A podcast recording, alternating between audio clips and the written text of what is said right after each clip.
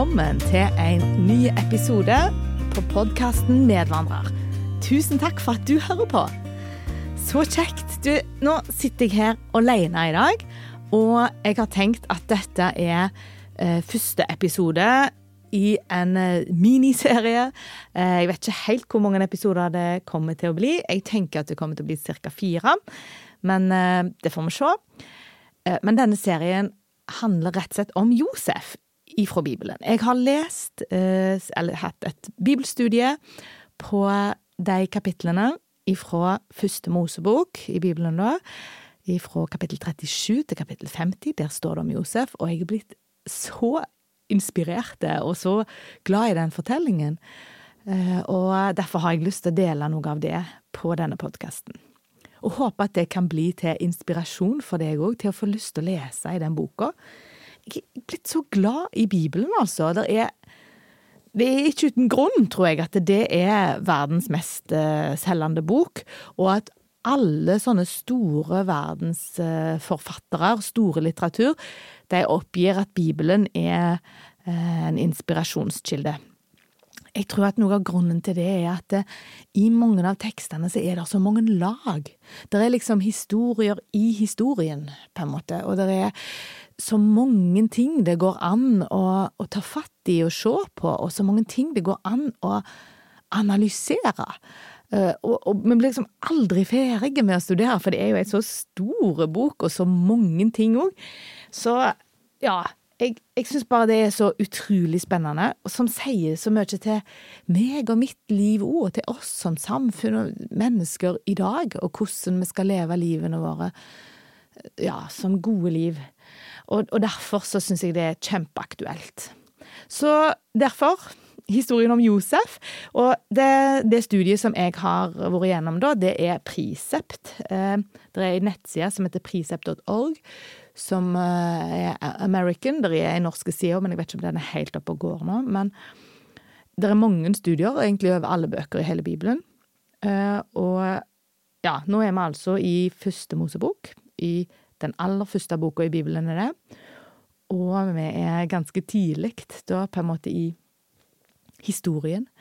Um, vi vet at Jeg kan si litt om bakgrunnen. Vi vet at Abraham han eh, fikk et løfte fra Gud. Gud lovte til Abraham at han skulle eh, gi han et stort folk. Og han lovte òg at han skulle gi han et land, og at det landet han, Gud forutsa faktisk at det, det, de kom til å bo vekk fra det landet eh, i mange år, men at han lovte at han skulle føre de tilbake igjen. Så Gud hadde egentlig allerede informert Abraham om mye av den historien som vi ser at skjer i eh, fortellingen om Josef, som kommer noen generasjoner senere, da. For Abraham og Sara de fikk jo én sønn når de var på sine gamle dager. Han heter Isak. Og Isak, han ble far til Jakob og Esau, tvillingene. Og Jakob er da far til Josef. Eh, og det er her på en måte vi er i historien når vi starter denne fortellingen, da. Og i dag skal jeg snakke om de tre første kapitlene, fra kapittel 37, 38 og 39. Så hvis du ikke har lest de før, eller egentlig så, og hvis du har tid akkurat nå, så anbefaler jeg deg å trykke på pause på denne podkasten nå, og så leser du de tre kapitlene, kapittel 37, 38 og 39, og så hører du videre på podkasten. Eller hvis ikke du har anledning til det nå, og det passer, så bare hører du videre, og så leser du det seinere. Tre kapitler, det er overkommelig. Det er totalt 13 kapitler vi skal se på i, i historien om Josef, da. Ja, Litt av bakgrunnen mer til eh, Josef, da, det er at eh, Eller ja, pappen hans, Jakob, han eh, lurer til seg førstefødselsretten eh, ifra far sin. Førstefødselsretten er på en måte en velsignelse eh, som faren gir. Og den lurte Jakob til seg, og eh, ja, fikk han på en måte på uærlig vis, men det var likevel han som fikk han. Og så vet vi at Jakob han ble forelska i ei dame som heter Rakel, og han jobbet for faren hans Rakel i sju år for å få lov å gifte seg med henne. Og den dagen når han da skulle gifte seg, så var det Lea, søstre, storesøstera faktisk, som han hadde gifta seg med. Han ble lurt på en måte til å gifte seg med storesøstera. Og så eh, sa han eh, svigerfaren hans da at ja, du skal få en Rakel hvis du lover å jobbe for meg i sju år til. Og da fikk han Rakel bare ei uke etterpå, men han måtte jobbe sju år til. Så han gifta seg egentlig med to søstre. Det var liksom vanlig på den tida, kanskje. Eller jeg vet ikke hva som var vanlig med måten som det ble gjort på her. Det var jo mye luring. Eh, framstår som litt uærlig. Men eh, i alle fall så var det sånn at han Jakob var gift med to søstre, Lea og Rakel. Men det var Rakel han var forelska i. Eh, det vet vi. Og så er noe av det som skjer, er da at uh, Lea hun får ganske mange uh, sønner. Uh, han får barn. de får barn sammen. Og hun, Rakel blir veldig sjalu på dette. Uh, er, Rakel framstår egentlig litt som sånn drama-queen. 'Gi meg barn, ellers dør jeg', sier hun liksom. Um, og så blir hun ikke gravid. Men Lea blir det. Og Lea hun føder først Ruben. Det er den eldste. Førstefødte. Og det fulgte da ganske mange rettigheter med å være førstefødt. sant? og skulle han få førstefødselsretten og ja. Og så er det Simeon, og så er det Levi, og så er det Juda. Det er de fire første som Lea får. Og så starta de denne diskusjonen og krangelen, de to søstrene, da. Eh, for nå blir Rakel ganske desperate for at Lea har fått fire barn, og hun ikke har fått noen. Så det Rakel gjør da, at hun tar eh, tjenestejenta si, hun heter Bila, og hun, eller slavekvinnen, altså Rakel, så sier hun gå og ta, eh, ha sex med henne, sånn at jeg kan liksom få barn gjennom henne, da. Og så får hun Bila to sønner, det er en Dan og en Naftali. Eh, og så tenker jo Lea ja ja, hvis det er sånn konkurransen vår er, så kan du få min slavekvinne òg, Jakob. Vær så god, kan du ha sex med henne òg? Og så får hun etter Silpa, og hun Silpa, da, som er Leas slavekvinne, hun òg føder to sønner. Gad og Asher. Og da er på en måte fremdeles Det er egentlig jo Lea som leder konkurransen i å ha fått eh, flest eh, sønner, da, til han Jakob. For de konkurrerer på en måte om hans oppmerksomhet, eller ja, kjærlighet, kanskje. Eh, I alle fall helt eh, til slutt, skulle jeg si, eller ja. Eh, så får hun Lea eh, Hun får to sønner til sjøl, som hun føder. Det er en Gisakar og en Sebulon. Og så får hun ei jente òg, ei som heter Dina. Det er jo Lea som føder henne. Og så, helt til slutt, får hun Rakel. Først én sønn. Og han heter Josef. Og det er han det handler om nå, da. Eh, Orakel får en sønn til. Han heter Benjamin. Det er ganske mange år imellom de. Vi vet ikke akkurat, tror jeg, men Orakel dør når hun føder han Benjamin, da. Eh, ja. Så i alle fall det vi leser da eh, i fortellingen der som vi begynner nå, i kapittel 37, eh, så ser vi at Jakob eh, Eh, bor i det landet der faren hans hadde levd, i Kanans land. Og han, da, han, har fått Josef, som da er 17 år gammel når på en måte denne historien begynner. Da er Josef 17 år. Så det vil si at han har en del eldre brødre. sant? De er tolv eh, gutter og ei jente. Og han leker Josef er sammen med sønnene til Bila og sønnene til Silpa. Altså han er sammen med de andre. Det står ikke at han er sammen med sønnen til Lea, faktisk, så det kan hende det var på en måte mye konkurranse her, det vet vi jo ikke. Og Jakob, det må jeg jo si først, ja. Jakob han blir i disse kapitlene omtalt med to navn. Han blir av og til kalt for Jakob, og av og til Israel. Og det var Gud som hadde gitt han navnet Israel. Eh, og Israel, det betyr eh, den som kjemper med Gud. Og jeg syns egentlig det er litt sånn spennende å tenke når jeg leser denne teksten nå, at liksom Israel, ja, det er landet Israel, eller folket Israel, eh, for han ble jo stamfar her, han, eh, han Jakob, eh, til det folket. At Israel, landet Israel, eller navnet Israel, betyr den som kjemper med Gud. For det hadde Jakob gjort, det var da han fikk navnet. Han kjempa i hele natt med en mann eh, som på en måte var Gud. Uh, og så spurte Gud han, eller den mannen som han kjempa med, spurte han hva heter du, hva er navnet ditt? Og da måtte han si det til, til slutt sjøl, jeg er Jakob. på en måte. Egentlig, hvis det var Gud han kjempa med, så hadde jo Gud visst det. Gud visste jo hva han het. Så hvorfor fikk han til å si det? Det er sånn, ja, jeg måtte erkjenne det, jeg er Jakob. Han måtte si hvem han var. Uh, og han var en, en som hadde vært uærlig. Uh, så han måtte på en måte si det, og så fikk han et slag på hofta der det står at han ble halt av det resten av livet. Det var en skade som han hadde alltid. Så Jakob, eller Israel, blir kalt både for Jakob og Israel i denne fortellingen. da. Og Han er altså far til alle disse sønnene, og det står her at Israel elsket Josef mer enn alle sine barn, fordi han var sønnen han hadde fått i sin alderdom, så han var blitt gammel. på en måte. Og så lager han en, eller han fikk lagd en kjortel til Josef. Og den kjortelen kan jo bety mange ting, um, mer enn kanskje vi forstår, men vi klarer å forstå i vår kultur òg at hvis en av ungene får på en måte mye finere klær enn de andre, så er det ganske sånn urettferdig. Det er forskjellsbehandling. Og det var det her. Uh, for Josef fikk en langarma en long, jo, langarmet og fotsid fin kjortel, lagd til bare seg og brødrene hans så at faren elska Josef mer enn de andre. Og derfor så hata brødrene Josef, står det. De klarte ikke å holde fred med han. Josef, han hadde to drømmer, og han klarer ikke å la være å fortelle om drømmene til de andre. Så han forteller om hva han har drømt. Ikke, han forteller ikke at han har tolka hva det betyr og sånt, men i den drømmen så var det jo at de andre på en måte skulle bøye seg for han, at de i familien bøyde seg for han. Og det er jo ganske uhørt, egentlig. Eh, og han forteller det til sin far og, og sin brødre. Eh, og brødrene blir sure og irriterte, og, og tolker det som om at det her tror du at du skal være konge over oss. Og faren, står det, han og irettesetter han, kjente på han.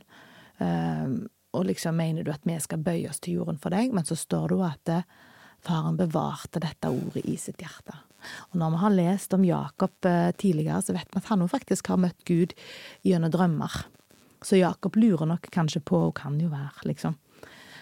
Um, men i alle fall så er det det som skjer videre i dette kapitlet, det er at faren gir Josef beskjed om å dra ut på marka for å se etter brødrene som er ute og passer på dyrene. Eller gjeter dyrene. Så Josef må jo ha visst, tenker jeg, at brødrene hans ikke likte han, men han er likevel lydig mot far sin, og drar av gårde der så faren ber han om å dra. Eh, så han gjør faktisk det. Og vi så gå ganske tidlig i, i kapittelet, så sto det at eh, Josef sa ifra til faren sin um, når brødrene hadde gjort noe som var dumt. Um, og om det betyr at han var det vi vil si en besartut, eller om det betyr at han var veldig opptatt av å gjøre det som var rett, det vet vi jo ikke. Um, men i alle fall så er han lydige, gjør det som faren ber han om, og han drar langt av gårde og leter etter de, finner de ikke, treffer en mann som forklarer veien til han, og han reiser av gårde. Og det står veldig sånn Det er jo så fascinerende med Bibelen. Alle plassene står beskrevet. Stedsnavnene står beskrevet her, hvor det er hen i Sikhem og i Hebrondalen og i Dotan. Det er plasser så det går an å finne igjen i dag på kartet. Det gjør dette enda mer fascinerende, syns jeg, da. I alle fall så finner han brødrene sine, og når de får se han på lang avstand, så begynner de å snakke seg imellom. Og faktisk så blir de enige om å drepe han, står det. Og det er ganske heftig, tenker jeg. At brødre blir enige om å drepe på en måte sin bror. Da er de, da er de irriterte, altså. Da virkelig hater de han. Eh, men når han kommer fram, eh, så er det han som heter Ruben, som er den eldste da, og førstefødte, som på en måte frir han ut av hendene på resten av brødrene og sier ja, vi hiver han bare i denne brønnen, liksom, heller. Og, og han, for han Ruben hadde tenkt å prøve å redde han å få han hjem igjen til far sin, for tydeligvis har han Ruben forstått dette. Han er jo eldst, han har levd litt lenger enn de andre, han har kanskje skjønt litt av det med kjærligheten mellom eh, pappen og, og Rakel, eller jeg vet ikke, det er jo spekulering. I alle fall eh, så tar de av han kjortelen. Den kjortelen som liksom sant, symboliserte litt eh, Det kan jo ha symbolisert mer. Kanskje det betydde at du får være sjefen over oss, eller at faren på en måte med det sendte noen signaler på at uh, jeg kommer til å gi han førstefødselsretten, eller Altså, det vet jeg ikke. Men i alle fall så skapte den kjortelen misunnelse. Så de tok den av han og heiv han ned i en brønn som var tomme. Um, og så er det Juda som faktisk foreslår at de skal selge han til eh, noen som tilfeldigvis kommer og reiser forbi. Noen ismalitter, står det. Eh, og da lytter brødrene, og så sender de han, eh, selger de han faktisk for 20 sjekel sølv, står det. Det er jo den samme pengesummen. 20 sjekel sølv. Det leser man flere plasser i Bibelen, faktisk, det beløpet. Juda, som eh, svikta Jesus, var jo for samme beløpet. 20 sjekel sølv. Eh, I alle fall så eh, selger de han, ja. Hva de gjør med pengene, får vi ikke vite. Men eh, Josef blir solgt, og Ruben har ikke fått det med seg. Han blir fortvilt når han ser at gutten ikke er der lenger. Så tar de kjortelen hans og slakter en geitekilling og dypper kjortelen i blod. Og så tar de kjortelen med til pappen igjen. Og så lyger de ikke, egentlig. De, eller på en måte så gjør de jo det, de, for de lar være å fortelle sannheten. Men de, de viser kjortelen til faren, og så er det pappen sjøl som liksom konkluderer med at Åh, den har hørt til Josef, han må være spist opp av et dyr, han er død. Og faren blir kjempefortvilte. Eh, han sier, for sørgende må jeg fare ned i dødsriket til min sønn. Slik gråt han, står altså, han. Han ble kjempefortvilte. Mens Josef, han blir solgt. Eh, altså de midianittene som tilfeldigvis reiste forbi akkurat da. Altså dette er jo sånn Ja, går det an at det er tilfeldig? Gud hadde jo en plan. Og da er det ikke tilfeldig at akkurat da kom de reisefølgende eh, forbi her, på en måte. Så det, det er ganske sånn, ja, fascinerende å tenke på, syns jeg. Eh, Josef blir solgt til eh, Potifar, og det er da en som var øverstkommanderende for livvakten. Jeg tenker Hvis det hadde vært en tilsvarende posisjon i Norge i dag, så var det uh, sjefen for PST eller sikkerhetstjenesten, eller ja. Derfor skal han være tjener i huset der. Og der stopper kapittel 37. Og så og det er jo en kjempespennende fortelling, og jeg syns måten der jeg driver historien på, og alt dette er eh, veldig, veldig spennende. Og så kommer kapittel 38. Og da legger vi merke til en ting. I, i vers 1 så står det at det, det, skjedde på den tiden at Juda skilte lag med sine brødre og dro, dro ned eh, til en eh, adulamitt ved navn Hira. Altså, jeg ser for meg, da kommer de tilbake, disse brødrene, til pappen sin, full av dårlig samvittighet for det de har gjort med bror sin. Eh, og Juda velger da på den tida å rett og slett ah, orker ikke å være her. Han reiser vekk. Eh, og Juda blir forelska, får seg ei kone eh, og får barn. Han får en sønn som heter Er, han får en sønn som heter Onan, og han får en sønn som heter Sjela. Han er på en plass som heter Kesib, står det. Og så blir de voksne, og Er, den førstefødte, da, han får ei kone. Og hun heter Tamar. Og huset du er, det er ganske spennende, dette. Og det er liksom Å ja, begynner det en ny fortelling i fortellingen nå? Ja, det gjør på en måte det. Så kapittel 38 er om Juda og det som skjer med han. Og han var altså da sønn nummer fire som Ulea har født. Så kan vi jo lure hvorfor forteller Bibelen oss en fortelling om Juda, sønn nummer fire? Er det ikke den førstefødte som var den viktigste, på en måte? Eh, I alle fall. Det som skjer videre da med han Juda her, eh, det er at det står at sønnen hans er, var ond i Herrens øyne, eh, og at han døde.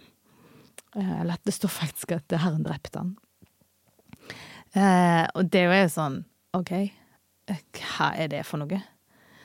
Hvorfor gjorde Gud det, liksom? For, for, oss så virker dette så brutalt, og vi klarer ikke å forstå dette, og det er jo ikke sånn vi kjenner Gud i dag, at det, å ja, folk som blir onde i hans øyne, bare dør, på en måte. Det, det er ikke vi vant med. Eh, men dette var jo før Jesus, eh, så, og, og, før på en måte Gud hadde lagd en ordning på hvordan menneskene skulle kunne ha relasjon og være nært han. Og jeg trøster meg med at eh, vi skal snakke mer om det i en annen episode, men at Gud, han er sein til vrede. Han er faktisk sykt tålmodig eh, med folk som på en måte gjør urett. Eh, og da regner jeg med at det var han mot disse sønnene nå. Eh, så for både Er og Onan faktisk dør fordi de er onde i Herrens øyne. Og da har han eh, han, hun da, står her igjen som på en måte enke og har ikke født noen barn. Og det var liksom en veldig sånn Det var jo ikke bra på den tida. Så for at, det, at det liksom eh, han, eh, Det skulle bli noen flere etterkommere etter de, så måtte den yngste sønnen overta kona. Altså hun Tamar, da. Men han sjue, han yngste sønnen, da var så unge at han, han Juda sa da til Tamar du Tamar, nå, jeg har bare én sønn igjen, og han er for liten ennå til å gifte seg, så du får bare dra tilbake til familien din og vente. Og når han er voksen, så, så skal du få lov å komme og gifte deg med han. Eh, men så skjer det at han Juda han holder ikke det løftet. Han bryter løftet sitt, og Tamar hun har ingenting hun kan gjøre. Hun sitter der maktesløs og venter og venter. Og hun har på en måte et ønske om, eller en drive og en lidenskap på å ville føre det, den slekta videre. Um, så det som skjer, er at den Juda mister kona si, hun dør. Og det får hun Tamar høre. Eh, så det hun gjør da, er at hun stiller seg i, i veikanten, kler seg ut som en prostituert og stiller seg i veikanten. Og han Juda, han går fem på. Rett i baret. Vil ha sex med henne, og eh, har det, og som en tjeneste, på en måte. Han, ja oppfatter henne som en sånn tempelprostituert, og, og eh, Ja. I alle fall så eh, det er mye Dere må lese sjøl detaljene. Har ikke tid til alt. Men hun får et bevis på at det er han. Eh, og så, når det da blir kjent, tre måneder seinere, at hun er gravid, så blir han Juda irritert, vet du. Eh, da får han beskjed din svigerdatter Tamara har utgitt seg som en prostituert, og nå er hun blitt med barn gjennom sitt horeliv. Og da sier han få henne ut og la henne brennes. Så hyklerisk, vet du. Men eh, da viser hun, sier det denne mannen, som eier disse tingene, som er far til barnet. Og da finner de jo ut at ja, det er han Juda. Og det han Juda gjør da, er faktisk ganske klokt. Han gir henne rett. Og han sier det, hun har vært mer rettferdig enn meg for jeg har ikke holdt løftet mitt. Så eh, har han ikke samliv med henne flere ganger, står det, men han på en måte gir henne jo rett, da. Og så føder hun tvillinger. Eh, hun føder tvillinger, eh, og det er da Peres og Sera som hun føder. Og det som er fascinerende med dette, det er at eh, syns jeg det er disse som er nevnt i Jesus i ettertavla. I Matteus eh, så står det, eller det står vel flere plasser òg, men i alle fall i Matteus, når det står nevnt, så står det Tamar er faktisk nevnt. Juda og Tamar fikk Peres og Sera. Og det er liksom gjennom her at Jesus ble født. Og det er jo sånn, hvis Gud har full kontroll på dette, og når han skal velge å sende sin sønn til jorda, så skulle vi tenkt at å, da velger han vel en fin familie med folk som er rettferdige og gjør gode valg og alltid er kloke og, og gjør rett og sånn. Her velger Gud da at hans sønn skal bli født gjennom ei slekt der de er på en måte De dreper broren sin, og de selger bror sin, ja, og de hater hverandre, og de er misunnelige, og de går rett i, inn til horer, og de Ja, de er så ugudelige, og så ja, lite kloke. Um, Og så er det på en måte Hvorfor velger Gud deg? Det har vi jo ikke et godt svar på, men samtidig så syns jeg det er veldig sånn ah, Det er jo så bra, for dette betyr jo at Gud kan bruke meg òg. Og deg. Samme hvor mislykka våre liv er, så kan Gud bruke det til noe godt. Fordi at han ser et helt bilde som er mye større enn det vi ser. Han ser flere generasjoner fram og tilbake og alt, på en måte. Og han velger å, å bruke ting sånn at det tjener til det som han har tenkt. Eh, som en mye større hensikt enn det vi ser, da. Og det syns jeg er utrolig fascinerende. Egentlig gjennom hele denne historien med Josef, så ser vi det. At det er veldig tydelig. Men det var i alle fall Det var kapittel 38.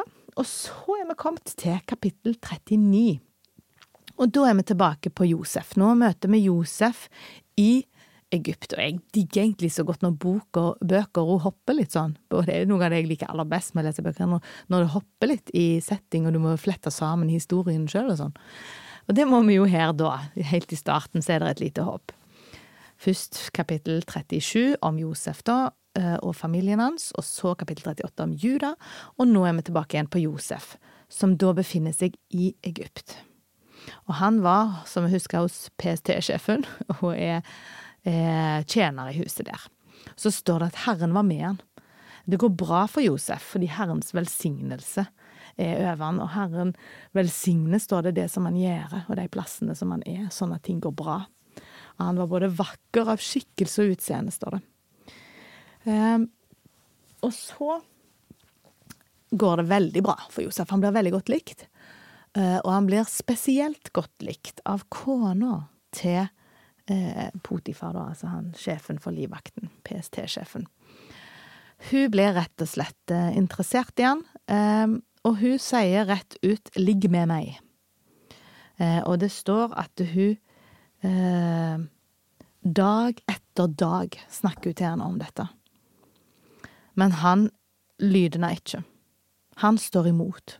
Og det kan godt hende at hun var ei pene dame, og at det var veldig fristende for han. Kanskje var han han hun forelska i det vet vi ikke. Eh, men han står imot en seksuell fristelse dag etter dag. Det syns jeg er ganske imponerende, faktisk. Og så tenker vi ja, så bra, han gjør jo noe som er rett og bra, det vil vel Gud belønne han for. Vel, det som skjer, er at uh, hun blir så desperat en dag, hun griper tak i kappen hans, står det. Og da må han rømme ut av huset, for hun, eller han blir sikkert Han han er så frista, og jeg vet ikke. Han rømmer i hvert fall ut av huset, og hun sitter igjen med kappen, altså med liksom skjorta hans i neven. Og da velger hun å ta en motsatt strategi og beskylde han for å hyle til, og beskylde han for å prøve å voldta henne. Eh, og da blir jo selvsagt alle veldig overraska, og Josef blir kasta i fengsel. Så her sitter altså Josef da i fengsel. I eh, landet Egypt, et fremmed land, fremmed språk, fremmed kultur. Um, og han er beskyldt, falskt anklagt, for uh, voldtekt. Og han vet nok at det er lite han kan gjøre for å på en måte si imot. Det står iallfall ingenting om at han protesterer eller sånn, men det står at, det, at han fant velvilje i fangevokterens øyne. Og så tenker jeg sånn, han har sikkert vært grei og flink og brukt de egenskapene sine her òg. Eh, og Herren var med han, står det her òg, og, og gjorde at det lykkes for han, så han fikk ansvar i fengselet. Så her sitter altså Josef. Først så møter vi han som favorittsønn og på en måte forskjellsbehandling i heimen sin. Han får eh, masse luksusgoder eh, i heimen og blir hata av brødrene sine, så han, han opplever nok eh, mobbing, men så opplever han òg eh, at faren elsker han. Altså, han, han er verdsatt og sitt av sin far. Det vet vi jo at gjør noe med et sjølbilde. Og, som er sunt og bra.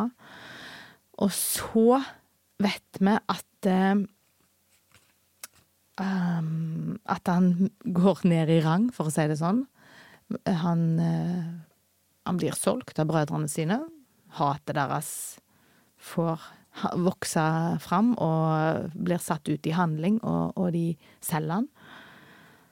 Eh, og han eh, Ja, det, det er en veldig sånn skifte som går ifra å være favorittsønn til å bli solgt som slave, og til å komme seg opp i gradene, faktisk klare seg ganske bra i det nye landet der han var kommet og mestre det bra, og så til å gå rett i kjelleren igjen i fengsel, falskt anklagt.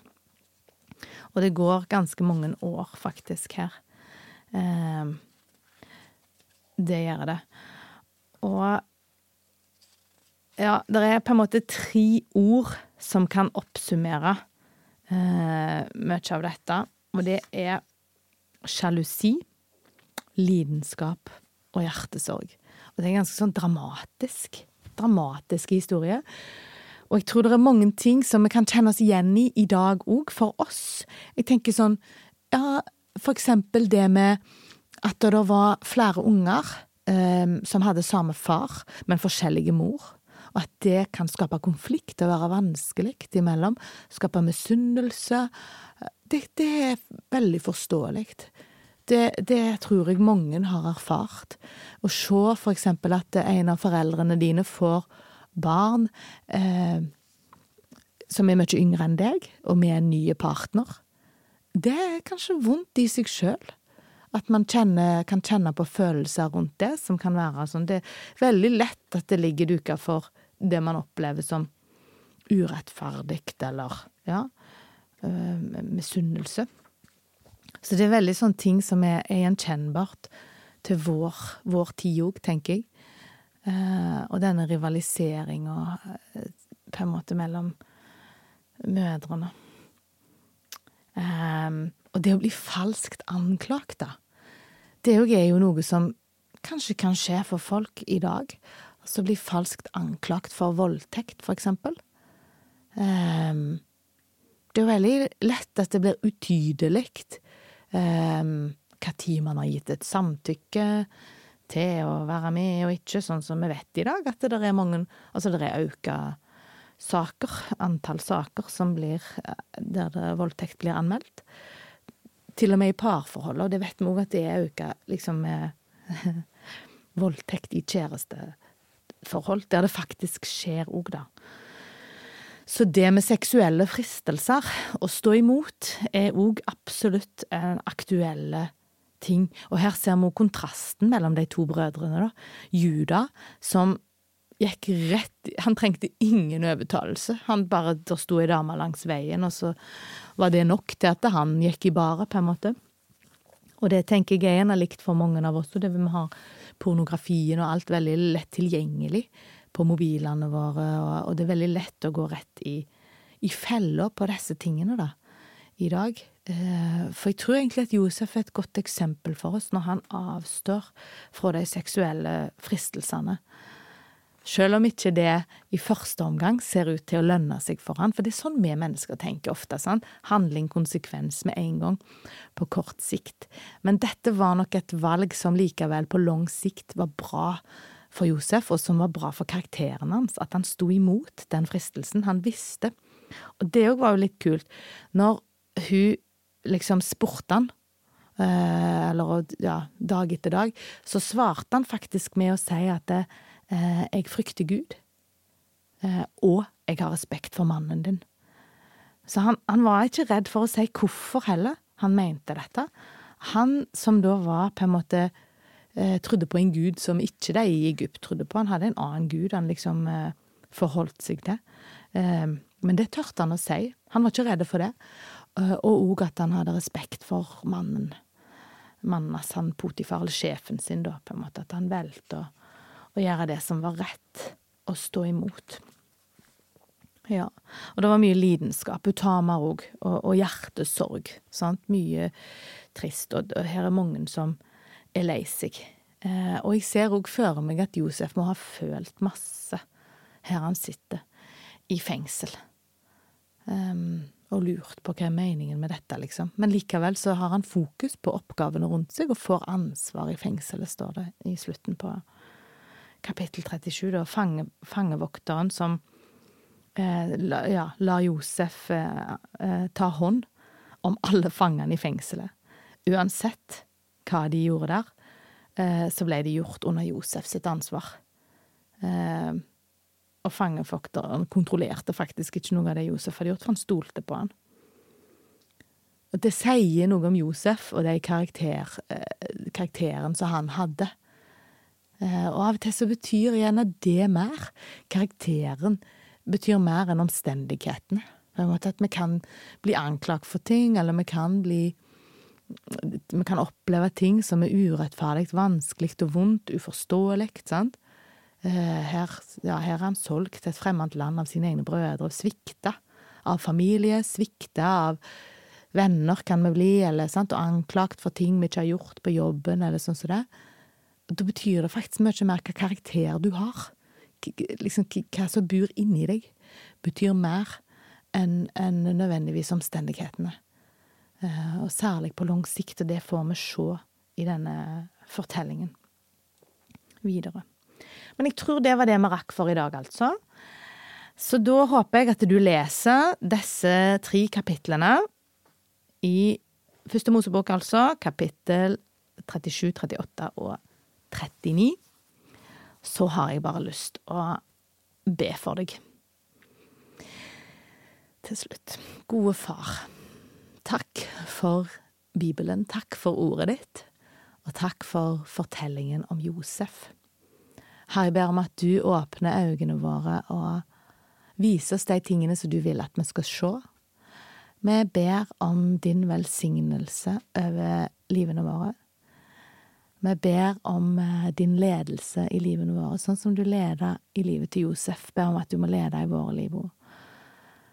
Ber om at du viser oss de tingene som du ønsker at vi Du ser hva vi trenger å se. Takk for at du kjenner livet til hver enkelt av oss, Herre. At du kjenner livet til hver en av de som lytter på nå, og at du vet hva hver og en av de trenger. Og Herre, jeg bare ber om at du du møter på den måten som vi trenger å bli møtt av deg. Takk for at du er en uendelig god Gud, som har full kontroll. Du har kontroll i historien som har vært, og du har kontroll i framtiden, Herre. Det er bare priser jeg deg for og takker deg for.